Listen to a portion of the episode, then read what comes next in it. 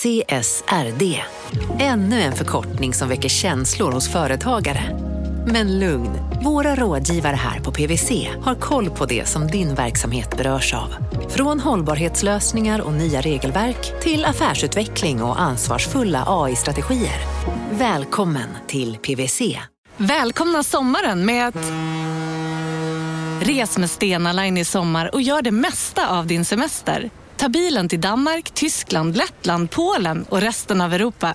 Se alla våra destinationer och boka nu på stenaline.se. Välkommen ombord! Här sitter jag i en ljudstudio tillsammans med ett sjölejon för att berätta att McDonalds nu ger fina deals i sin app till alla som slänger sin takeaway förpackning på rätt ställe. Även om skräpet kommer från andra snabbmatsrestauranger, exempelvis eller till exempel Ja, precis. Jag vet att vi vill lägga 2020 bakom oss, Mm. eh, men jag tänker göra ett undantag. Eh, Jag skulle vilja gå tillbaka till april förra året. Jag har ju tyvärr inget väderminne. Vem har det? Det finns människor som har det som kan säga så här, sommaren 2003. Internet har i alla fall upplyst mig om att april 2020 var varmare än normalt. Eh, Det var också oerhört torrt, eh, men blåsigt. Ja, säger du det så? Eller säger internet det så? Internet har sagt detta. Mm. Den 6 april 2020 eh, så hade våren kommit till Stockholm. Det var soligt, ljummet i luften sådär, slöjmoln på himlen. Den 6 april är också den dagen som Boris Johnson läggs in på intensiven för att behandlas för covid-19. Eh, och eh, det gick ju bra, vet vi nu i efterhand. Ja. Det är också den 6 april eh, som Danmark bestämmer sig för att Roskildefestivalen 2020 ska ställas in. Landet Danmark bestämmer kollektivt det här. Ja, ja, vi behöver inte gå in på detaljerna. Fredrik Andersen kommer inte ihåg något av det här. Men han kommer ihåg varenda sekund av vad han gjorde på kvällen den 6 april 2020. Åkte raka vägen hem här eh, och eh, jag åker kommunal in till stan. Eh, så åkte hem, hämtade bilen, satte mig i bilen och körde raka vägen dit.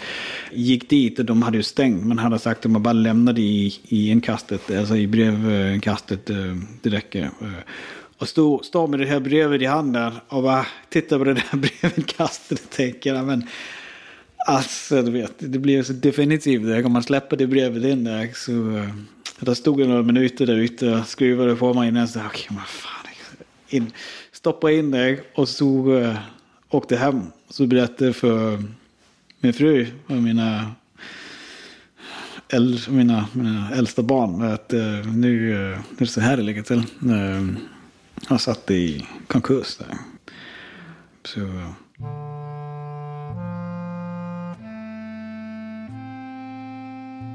Precis just nu, i slutet av januari 2021, så har det ju gått exakt ett år sedan det första covid-19-fallet upptäcktes i Sverige. Okej. Sen dess så har ju den här pandemin skördat otroligt många offer. Fortsätter att skörda offer, ska vi kanske säga.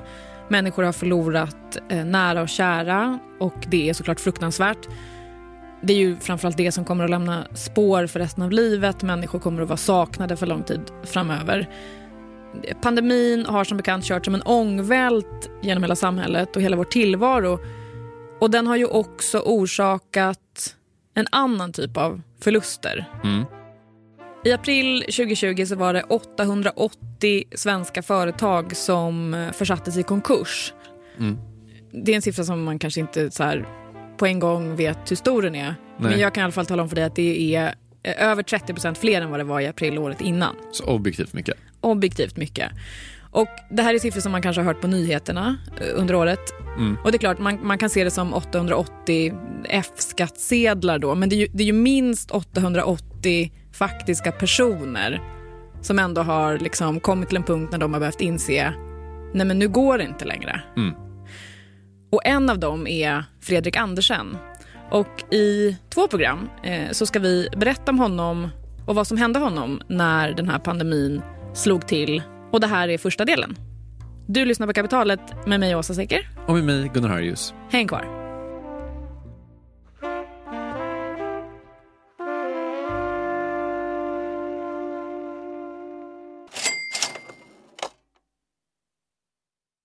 Vi sponsras av Storbrand Asset Management som ju förvaltar över 1000 miljarder norska kronor, bland annat för SPPs eh, många pensionssparare. För två år sedan så investerade Storbrand i drygt 60 tåg, alltså tågvagnar, eh, som rullar mellan London och Skottland. De leasar sedan de här tågvagnarna till tågoperatören som alltså kör tågen och säljer biljetter och sånt eh, med ett avtal på 27 år. Så britterna får nya fina tåg och Storbrands kunder, eh, däribland alltså SPPs pensionssparare, får en inflationsskyddad avkastning med låga risker under lång tid.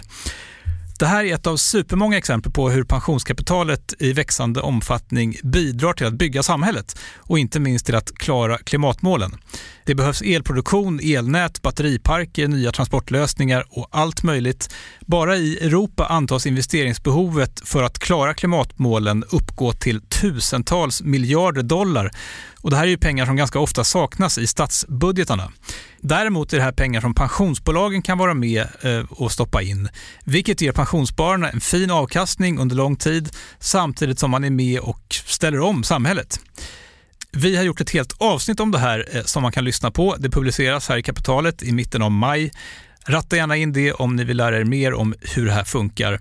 Men tack säger vi till Storbrand Asset Management som ju investerar i alla tänkbara tillgångslag, bland annat för pensionsbolaget SPP. Och tillsammans försöker ju vi, Storbrand och SPP, öka medvetenheten om hur pensionerna funkar och vilken roll pensionerna spelar i samhället och i ekonomin.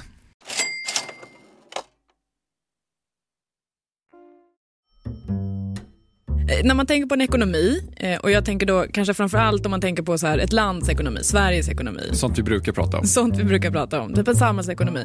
Ja, men då är det ju liksom lätt att tänka på det som en maskin. Eh, där man kan så här, dra i olika spakar, man kan dra i en räntespak och så sjunker arbetslösheten. Precis, och så kanske det händer någonting med inflationen som en följd av det. det ganska, Man brukar prata om det ganska mekaniskt. Ja, exakt. Mm. Men i verkligheten så är ju det här någonting mycket mindre mekaniskt. För bakom siffrorna om arbetslöshet och konkurser och så vidare så finns det ju personer. Ja. Det finns personer som Fredrik eh, som lägger ner hela sin själ i att eh, tänka på tyg som skrynklar sig rätt eller fel. Jag tänker att det här, man kan tänka att det här låter ganska långt ifrån ett vanligt kapitalavsnitt men på ett sätt så är det ju här verkligen ett avsnitt om den riktiga ekonomin. Den riktiga ekonomin. Ja. Nu åker vi. Fredrik Andersen är från Danmark och han har, du kommer höra det, inte riktigt jobbat bort de här mjuka danska d som vi svenskar har så svårt att få till. Jag tänker inte ens försöka. Nej. Eh, jag träffade honom i november förra året. Vi möttes på hans jobb. Det ligger på Brunnsgatan i Stockholm. Om man kommer in som kund, ja, kommer man in här. Uh, första man möter här det är då vår uh, eh, butikslokal. Uh, som kanske inte ser ut jättemycket som en butik men egentligen mer som en skattkista. Om man gillar kläder, om man gillar tyger, om man gillar trigga sin egen fantasi. Um, och det är där jag träffar folk första gången. Eller här jag träffar folk första gången. Just med det enda målet att folk har ofta sin idé om att de behöver en kostym eller att de en gång i sitt liv vill unna sig en riktigt skräddarsydd kostym. När man har provat allt annat, uh, då till slut uh, hamnar man i, i klorna hos mig. Fredrik Andersen är skräddare. Fredrik Andersen är skräddare, vilket betyder att han då tillverkar kläder. ja. ja. Här är kostymer lite mer specifikt i det här fallet, för man kan ju tillverka alla möjliga typer av kläder. Nu har inte jag träffat så himla många skräddare i mitt liv, jag vet inte hur det är med dig. Eh, men min bedömning är ändå att Fredrik är en otroligt passionerad skräddare. En skräddare som liksom verkligen brinner för det han gör, tar det på väldigt stort allvar. Får jag säga, är det kanske är det någon slags ras slash nationalitetsprofilering jag gör nu, men att det känns typiskt danskt att vara en väldigt så här seriös och ambitiös skräddare just? Jag har inte tänkt den tanken, Nej. men eh, om det är så dina associationer rör sig, så visst. Fördomar. Ni kan anmäla mig på Ja, men eh, då kan man kanske tänka då, Fredrik är en väldigt så eh, seriös, ambitiös, eh, engagerad skräddare, att man liksom vänder sig till honom när man vill sy upp en kostym som bara ska användas vid så väldigt speciella tillfällen. Mm.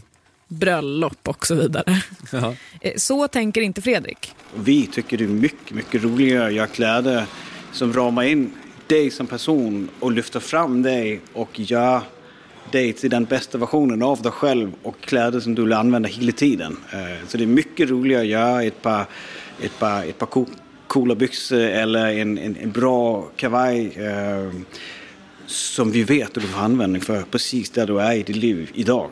Inte vad du hoppas att vara någon gång om 15 år.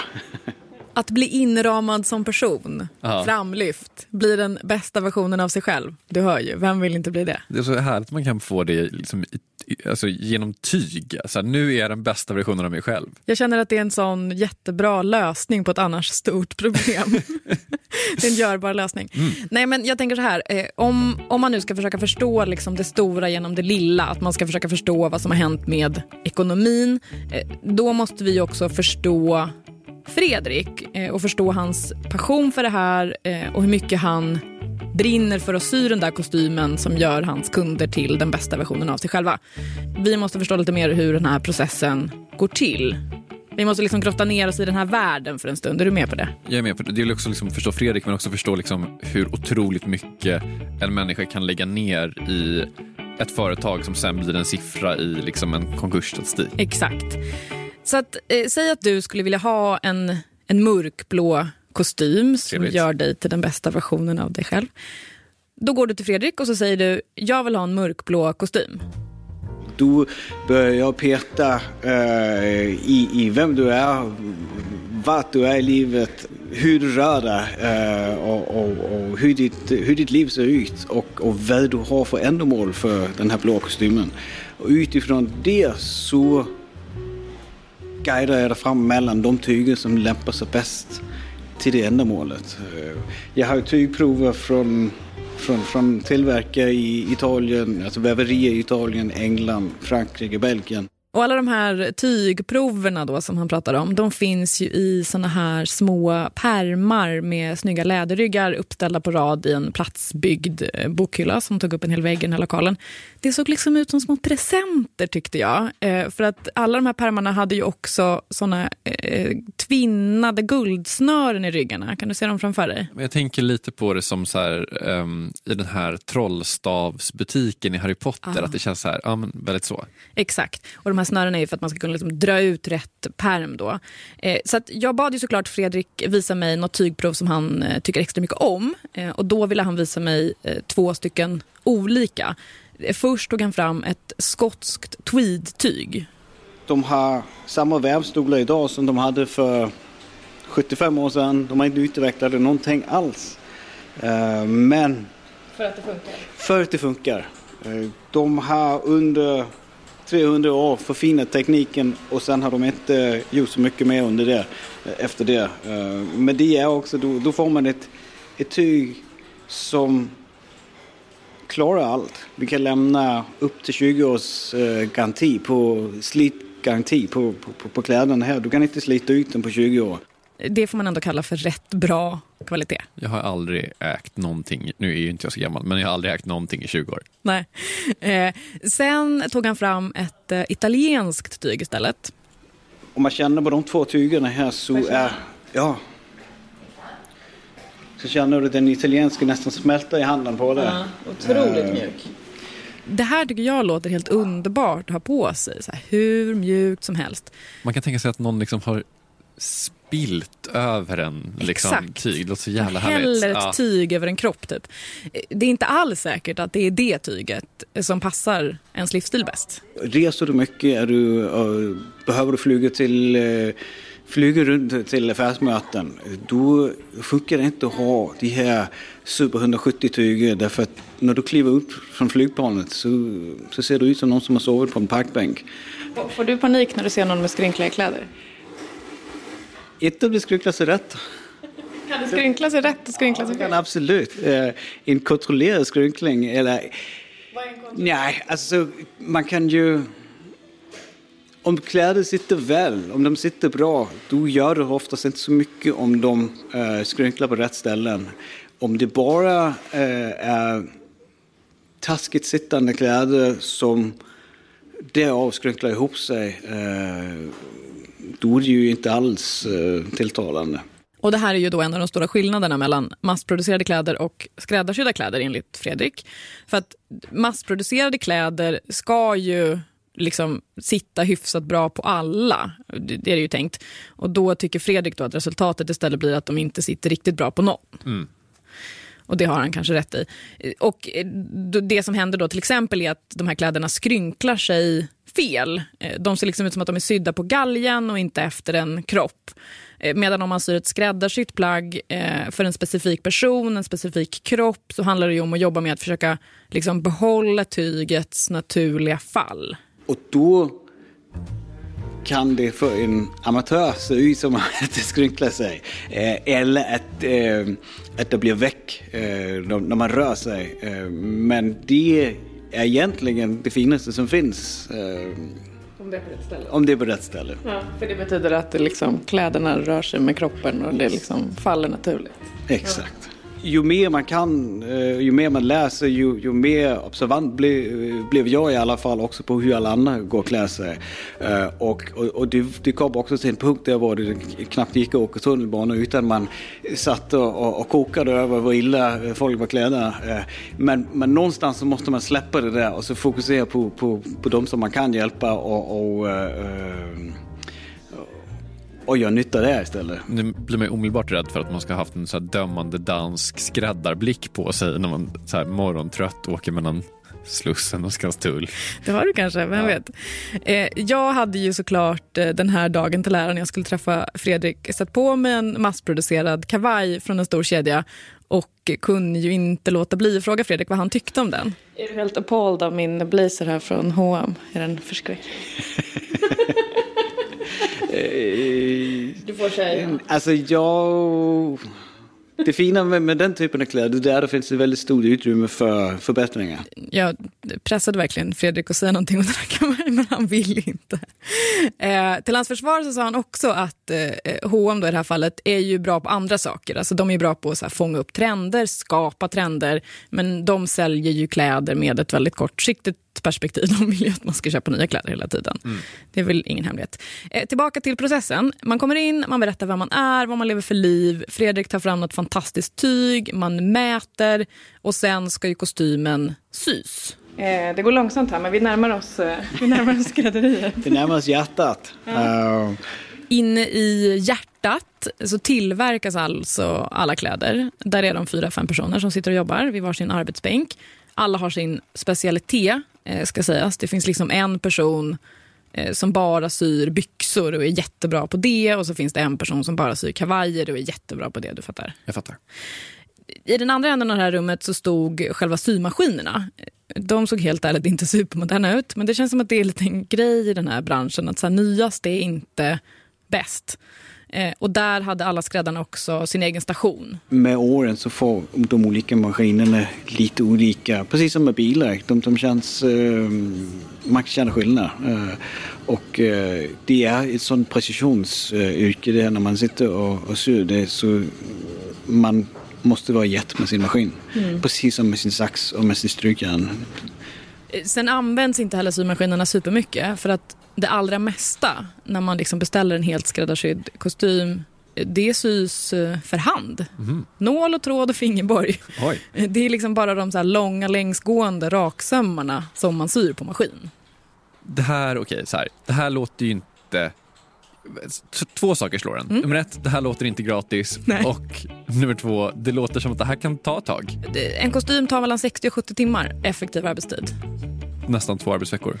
Ja, eh, vilket i leveranstid betyder typ tre månader. För att man måste ju också komma in och prova då mellan varven hela tiden. Ah, och så kan man tänka sig att det är upptagna personer som inte kan komma liksom, mm. hela tiden. Och, ja. ja. och så jobbar de ju inte med en kostym i taget utan de jobbar ju liksom ja. ett helt gäng.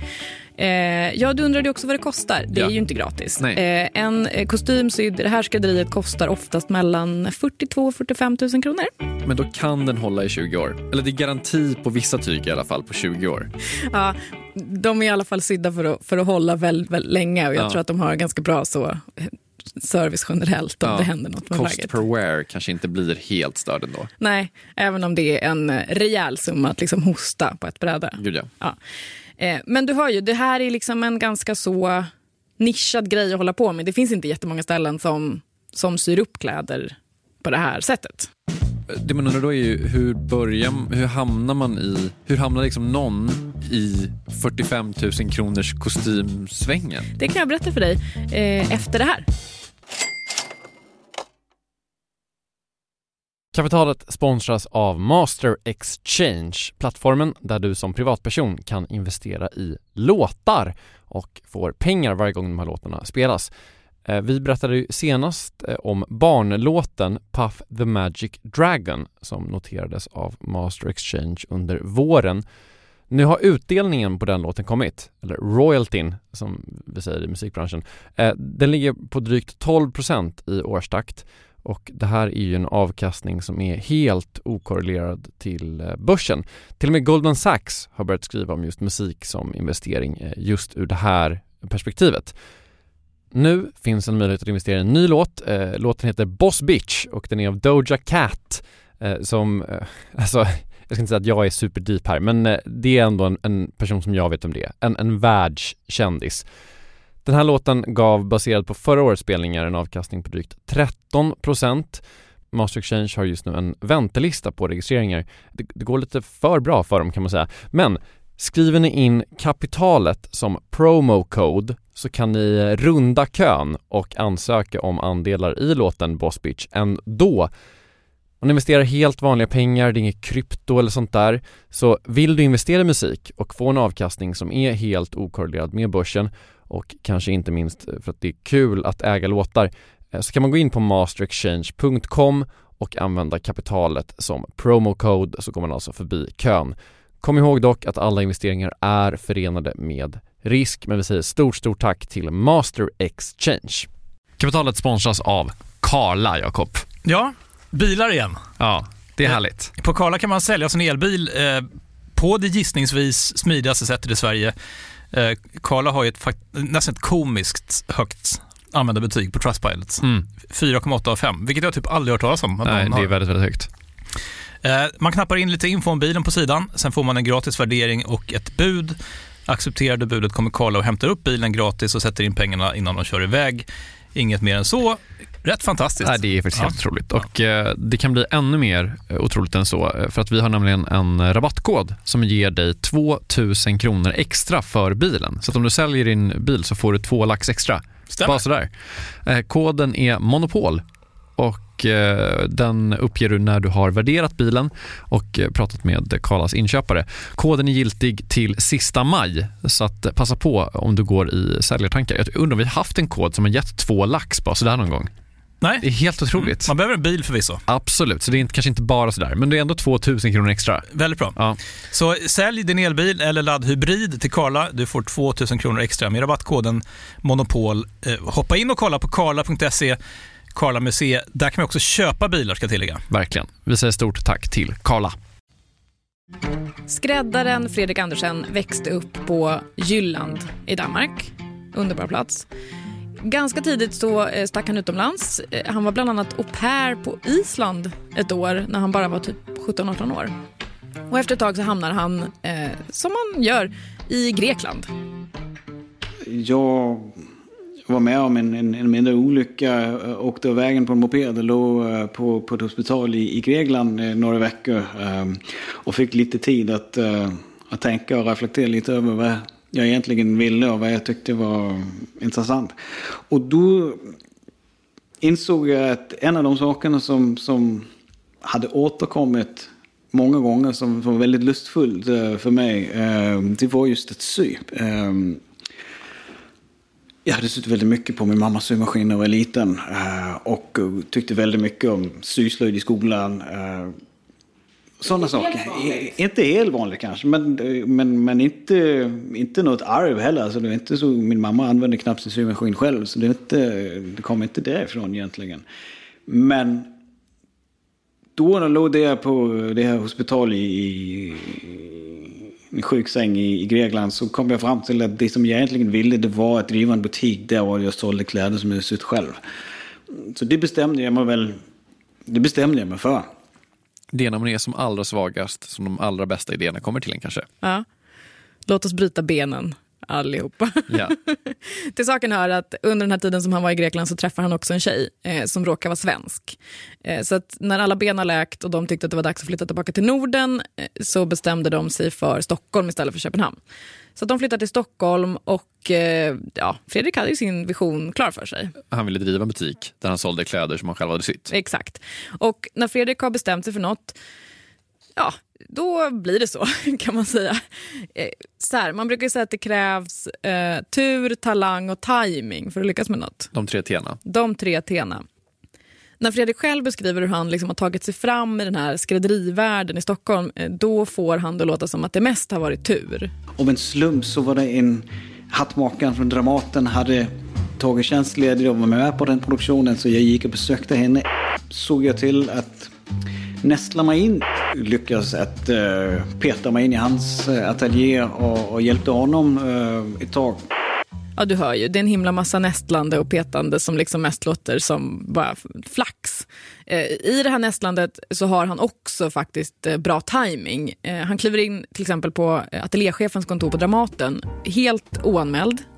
Presenterade mig och, och, och lämnade mitt telefonnummer uh, ganska mycket mot hans vilja. Han, han, han var ganska tydlig med att de behövde be- absolut ingen skräddare då. Uh, men jag skrev upp mitt nummer och så la jag det på hans bord och så, så skrattade han lite åt mig och så, och så, så sa han ja, ja, vi får väl se. Okej, så han har ju uppenbarligen två T'n, tur och timing. Har han talang också? Alltså när han kommer till Dramaten så är han rätt grön kan man säga. Jag tyckte väl att jag var ganska bra på att sy, men inte på den nivån. Men på Dramaten så hamnar han, av en slump såklart, eh, vid bordet bredvid en väldigt erfaren och duktig äldre italiensk herre eh, som Fredrik bara bestämmer sig för att ta rygg på. Jag tittade på han, hur han gjorde, eh, kopierade och, och ja, gjorde samma saker. Eh, och, och försökte hänga med. Eh, och lärde mig under tiden som jag var där. Det visade sig vara en eh, bra strategi för att Fredrik blev kvar på Dramaten i, i flera år. Eh, Och utifrån den här liksom samlade informationen så tror jag nog ändå att man kan säga med så lite säkerhet att Fredrik nog hade talang för att sy. Alltså man behöver tur och timing för att komma in kanske på Dramaten. Men sen för att man, om man ska få vara kvar länge så måste man nog vara rätt bra. Exakt, man kan inte vara hur dålig som helst. Och det var där då, på Dramaten, bredvid den här italienska herren, som bitarna liksom ännu mer faller på plats för Fredrik. Det här med, med, med teaterkläder, det, det var inte riktigt min grej. Utan det som jag blev absolut mest intresserad av, det var ju att sy mörka kostymer. Uh, när, det kom, när det landade på mitt bord så var det det jag tyckte det var absolut mest roligt där. Alltså, det, det var, jag slutade jobba, utan då fick jag bara lov att göra någonting som jag tyckte var intressant. Det är kul för övrigt att han jobbar på Dramaten, vilket jag tycker låter som så här, det uppenbarligen roligaste jobbet i skrädderi-Sverige. Han bara, jag älskar inte teaterkläder, kan jag få göra liksom någonting lite så här mer konventionellt, tack? Okej, men han ska ju obviously inte jobba på en teater. Nej, han förstod ju efter ett tag att eh, om han bara ville sy mörka kostymer så måste han ju söka sig någon annanstans. Eh, och då finns det ett ställe i Stockholm. Eh, Det är ett ställe som alla skräddare känner till i, landet. Men ingen som riktigt visste vad det eh, innebar att jobba där annat än att eh, det bara uttalade med en väldig mystik och, och, och respekt eh, om att det var ett par gubbar som drev ett, det finaste skrädderi. Var de bara gör herrkläder i, och skräddarsydda kostymer. A.V. Bauer eh, efter bröderna Bauer eh, och det grundades redan 1863. I slutet av 1800-talet så var det 60 skräddare, tillskärare och försäljare som jobbade på Bauer. Man kan ju tänka sig att det var vanligare då att man sydde upp sina kläder. Massproducerat som koncept fanns inte riktigt. Nej, eh, man tänker sig det i alla fall. Eh, sen 1990-talet så huserar Bauer på Brunnsgatan och är betydligt färre. Och det är ju här då som Fredrik kommer på att han vill jobba. Eh, Så han går dit helt enkelt. och knackade på dörren och knallade in och, och presenterade mig. Och då, hade jag, då var jag ganska kaxig, jag var ganska, eh, jag tyckte jag var väldigt duktig. Eh, För då hade ju han jobbat på Dramaten i flera år. Och utifrån vad jag kunde jämföra mig med där, då tyckte jag att jag var en stjärna. Eh, Så när jag kom hit så var jag ganska full av mig själv. Och eh, presenterade mig och sa att jag jobbade Och så sa han, jag skulle kunna tänka mig att börja jobba här också. Och då, de här gubbar, Det var två äldre herrar som drev det här stället då. de bara tittade på mig, så tittade de på varandra. Och så, eh, så vände de om, så gick de tillbaka in i verkstaden utan att säga något till mig. Så han bara stod där som ett fån i butiken och undrade vad som hände. Eh, Men eftersom de inte kom tillbaka, men då, ja, då fick jag väl gå igen där. Och så först så blev jag väldigt kränkt och sur. Och liksom, vad fan, det var, så kan man väl inte göra. Och, och, men så satt jag uppe på Dramaten och jobbade, fortsatte jobba där. Men, men det gnagade väldigt mycket i mig. Och, eh, Och han kom fram till att de kanske inte förstod vad han var ute efter. Han kanske inte hade varit tillräckligt tydlig. Så då gick jag tillbaka igen, eh, knackade på och gick, knappade in, klampade in i verkstaden och, sa hej igen. Och, och de kom inte ihåg att jag hade varit där tidigare. Jag har inte lämnat något eh, intryck på dem. Så han fick berätta en gång till att han jobbade på Dramaten. Eh, Han var en väldigt duktig skräddare och han skulle kunna tänka sig att eh, jobba där. Och, och då sa de nej, nej, nej, vi, vi, eh, tack det är bra, du, du kan gå igen. och då, då var jag liksom säker på att de hade, jag hade framfört mitt budskap där och, och då sa de ju blankt nej, inte en chans.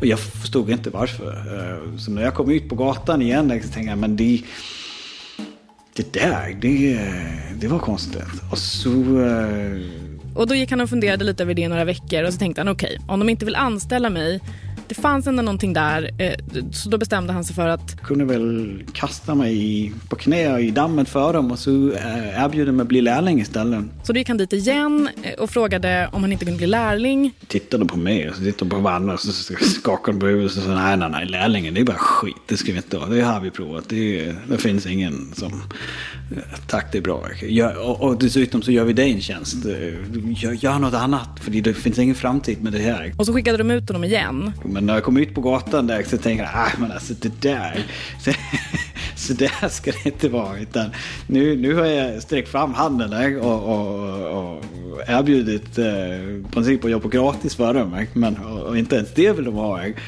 Ledande fråga, men tror du att Fredrik är den som tar ett nej?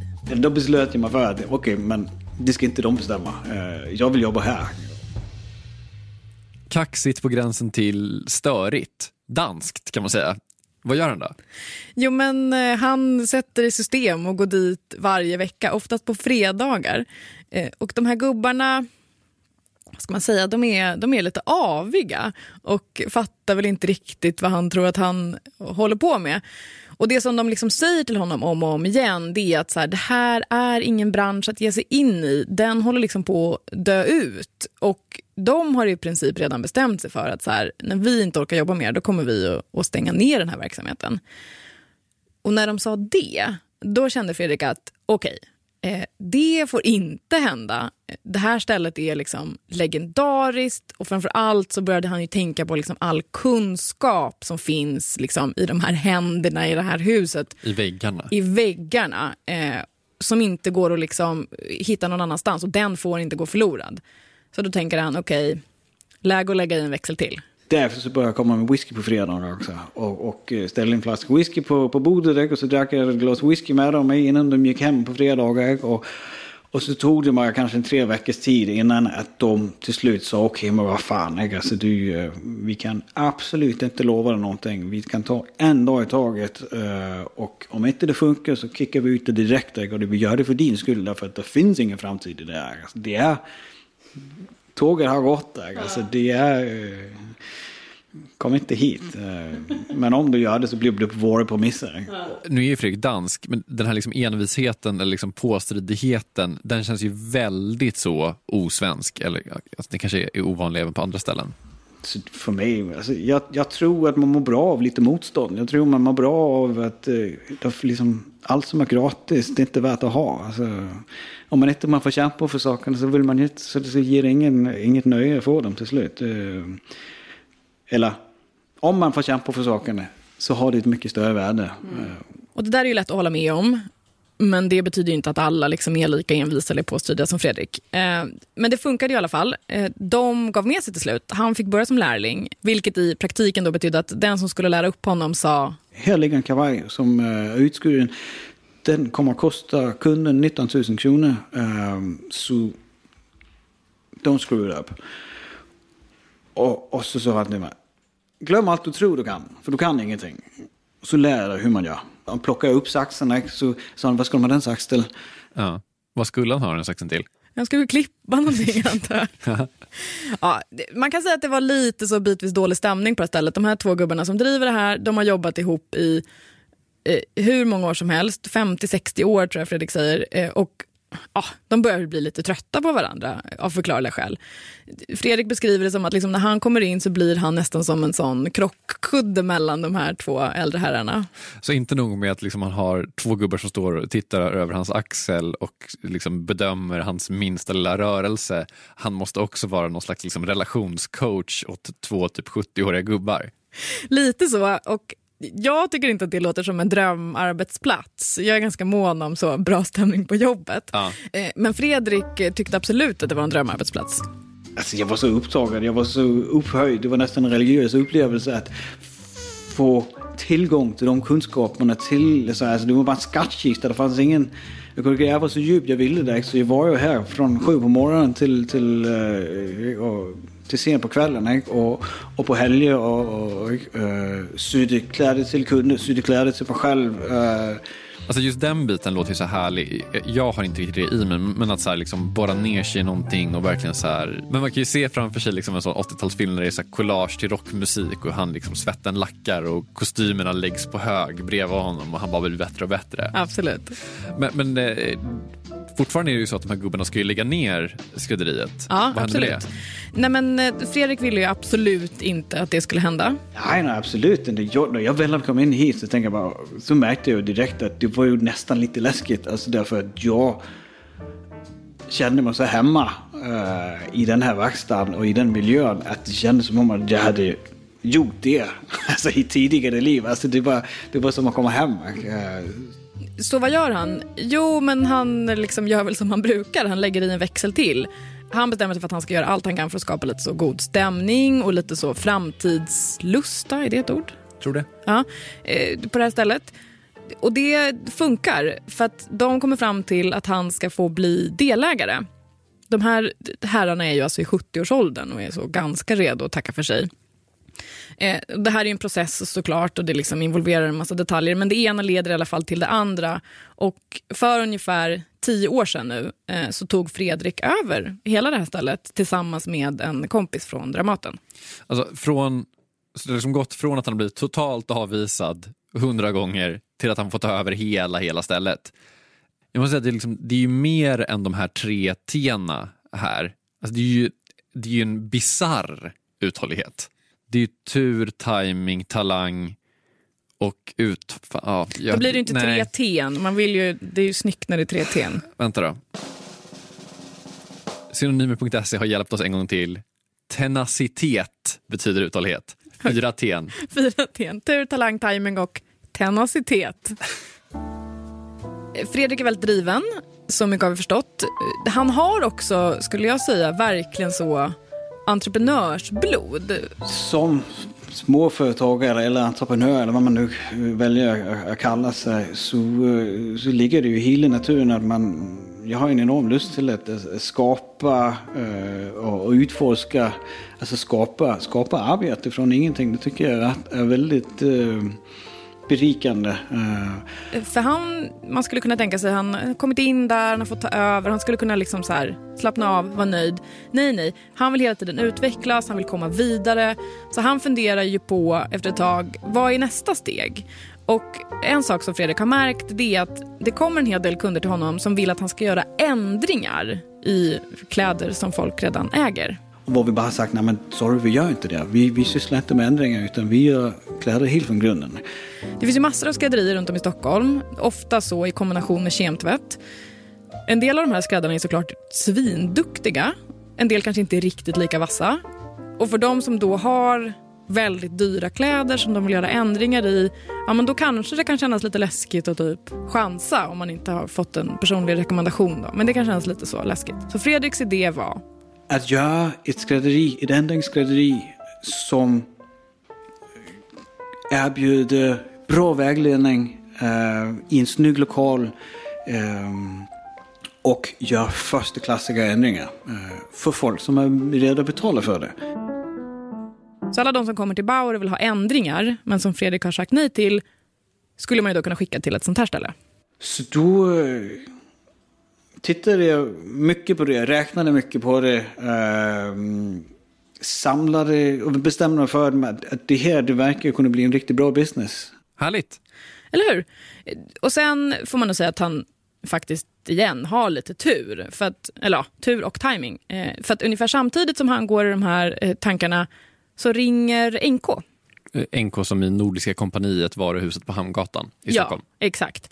NK i Stockholm ska växa och göra om delar av parkeringshuset mitt över gatan också till varuhus. Det ska heta NK Parkaden. Eh, och i Parkaden så vill NK gärna ha ett skrädderi. Och om man vill ha ett skrädderi Då ringer man till Fredrik. då ringer man till Fredrik. Och Fredrik har ju redan gått och tänkt på det här, så han nappar såklart. Och det här är eh, faktiskt första gången som han ska starta någonting själv från grunden. När han kom till AV Bauer så hade ju det redan funnits i sådär 150 år. Men han ska väl inte sluta på Bauer nu, det här som han liksom har kämpat för i 100 år? Nej, absolut inte. Han ska fortsätta driva Bauer. Man kan ju tro att han tror att han har fler timmar på dygnet än vi andra. Men, nej, men det här nya stället ska komplettera Bauer i och med att de ska göra sånt som Bauer inte gör. Men det ska liksom vara en helt separat verksamhet. Alltså det är liksom inte en filial till Bauer, utan det här är ett helt eget företag. Bara det att det råkar vara Fredrik från Bauer som startade det. Det heter liksom inte Bauer. Nej. Och då eh, när han bestämmer sig för det här, ja, men jag kan tänka mig att han känner lite så som vi kanske kände när vi flyttade till ett eget kontor. För vi delade ju med ett annat produktionsbolag förut och de hade suttit i de lokalerna jättelänge. Så när vi skaffade eget, ja, men då fick vi liksom chansen att göra, göra det precis så som vi ville ha det från början. Ja, vilket var underbart. Det var underbart. Så att när Fredrik ska starta sitt eget ställe, då får han ju också bestämma allting från början. Så att han anlitar en arkitekt, han planerar liksom en jättefin lokal. Han är väldigt mån om att det ska vara så snyggt och liksom stilrent. Den ska vara helt öppen, så där som det kan vara på fina restauranger. Eh, Man ska liksom kunna se vad skräddarna gör, så att man får en uppfattning om vad det är man betalar för. Skräddarna ska såklart också vara väldigt välklädda. Och sen så ska de vara jätteduktiga på rådgivning såklart, det som Fredrik älskar. Många gånger så, så alltså, folk vet ju inte vad det är eh, som... Folk vet ju inte bäst. Utan Det är du som vet det. Nej, alltså... eh, Kanske. Och vad ska det här nya, lite elitistiska stället heta? Det ska heta Le Grand Atelier. Det är för att ehm, det smakar bra. Eh, Och det, jag tycker det ramar in väldigt mycket den typen av verksamhet som jag eh, satsade på att det skulle bli. Eh, ett, ett, ett bra eh, ateljé med, med, med en, en, en, en lyxig känsla. Det smakade bra, det kändes bra och i september 2018 så slår Fredrik Andersen upp dörrarna till sitt alldeles egna ändringsskrädderi i NK-parkaden mitt i Stockholm city. Men kanske för första gången i Fredriks karriär så saknar han ett av de här tre, potentiellt fyra tena, nämligen timing. I nästa avsnitt av Kapitalet, del två, Från början på mars där så, så tömdes stan. Ja. All handel dog. Och från 15 mars så, så stängde ju alla kontoren i stan. Alla lunchserveringar stängde. Allt, alltså, hela stan ju bara eh, dog. Det var som en spökstad. eh, Och NK låg fullständigt öde. Du har lyssnat på Kapitalet med Åsa Secker och med mig Gunnar Harjus. Slutmix av Kristoffer Krook. Nästa vecka, slutet på den här historien. Missa inte det. hej då! Hej då!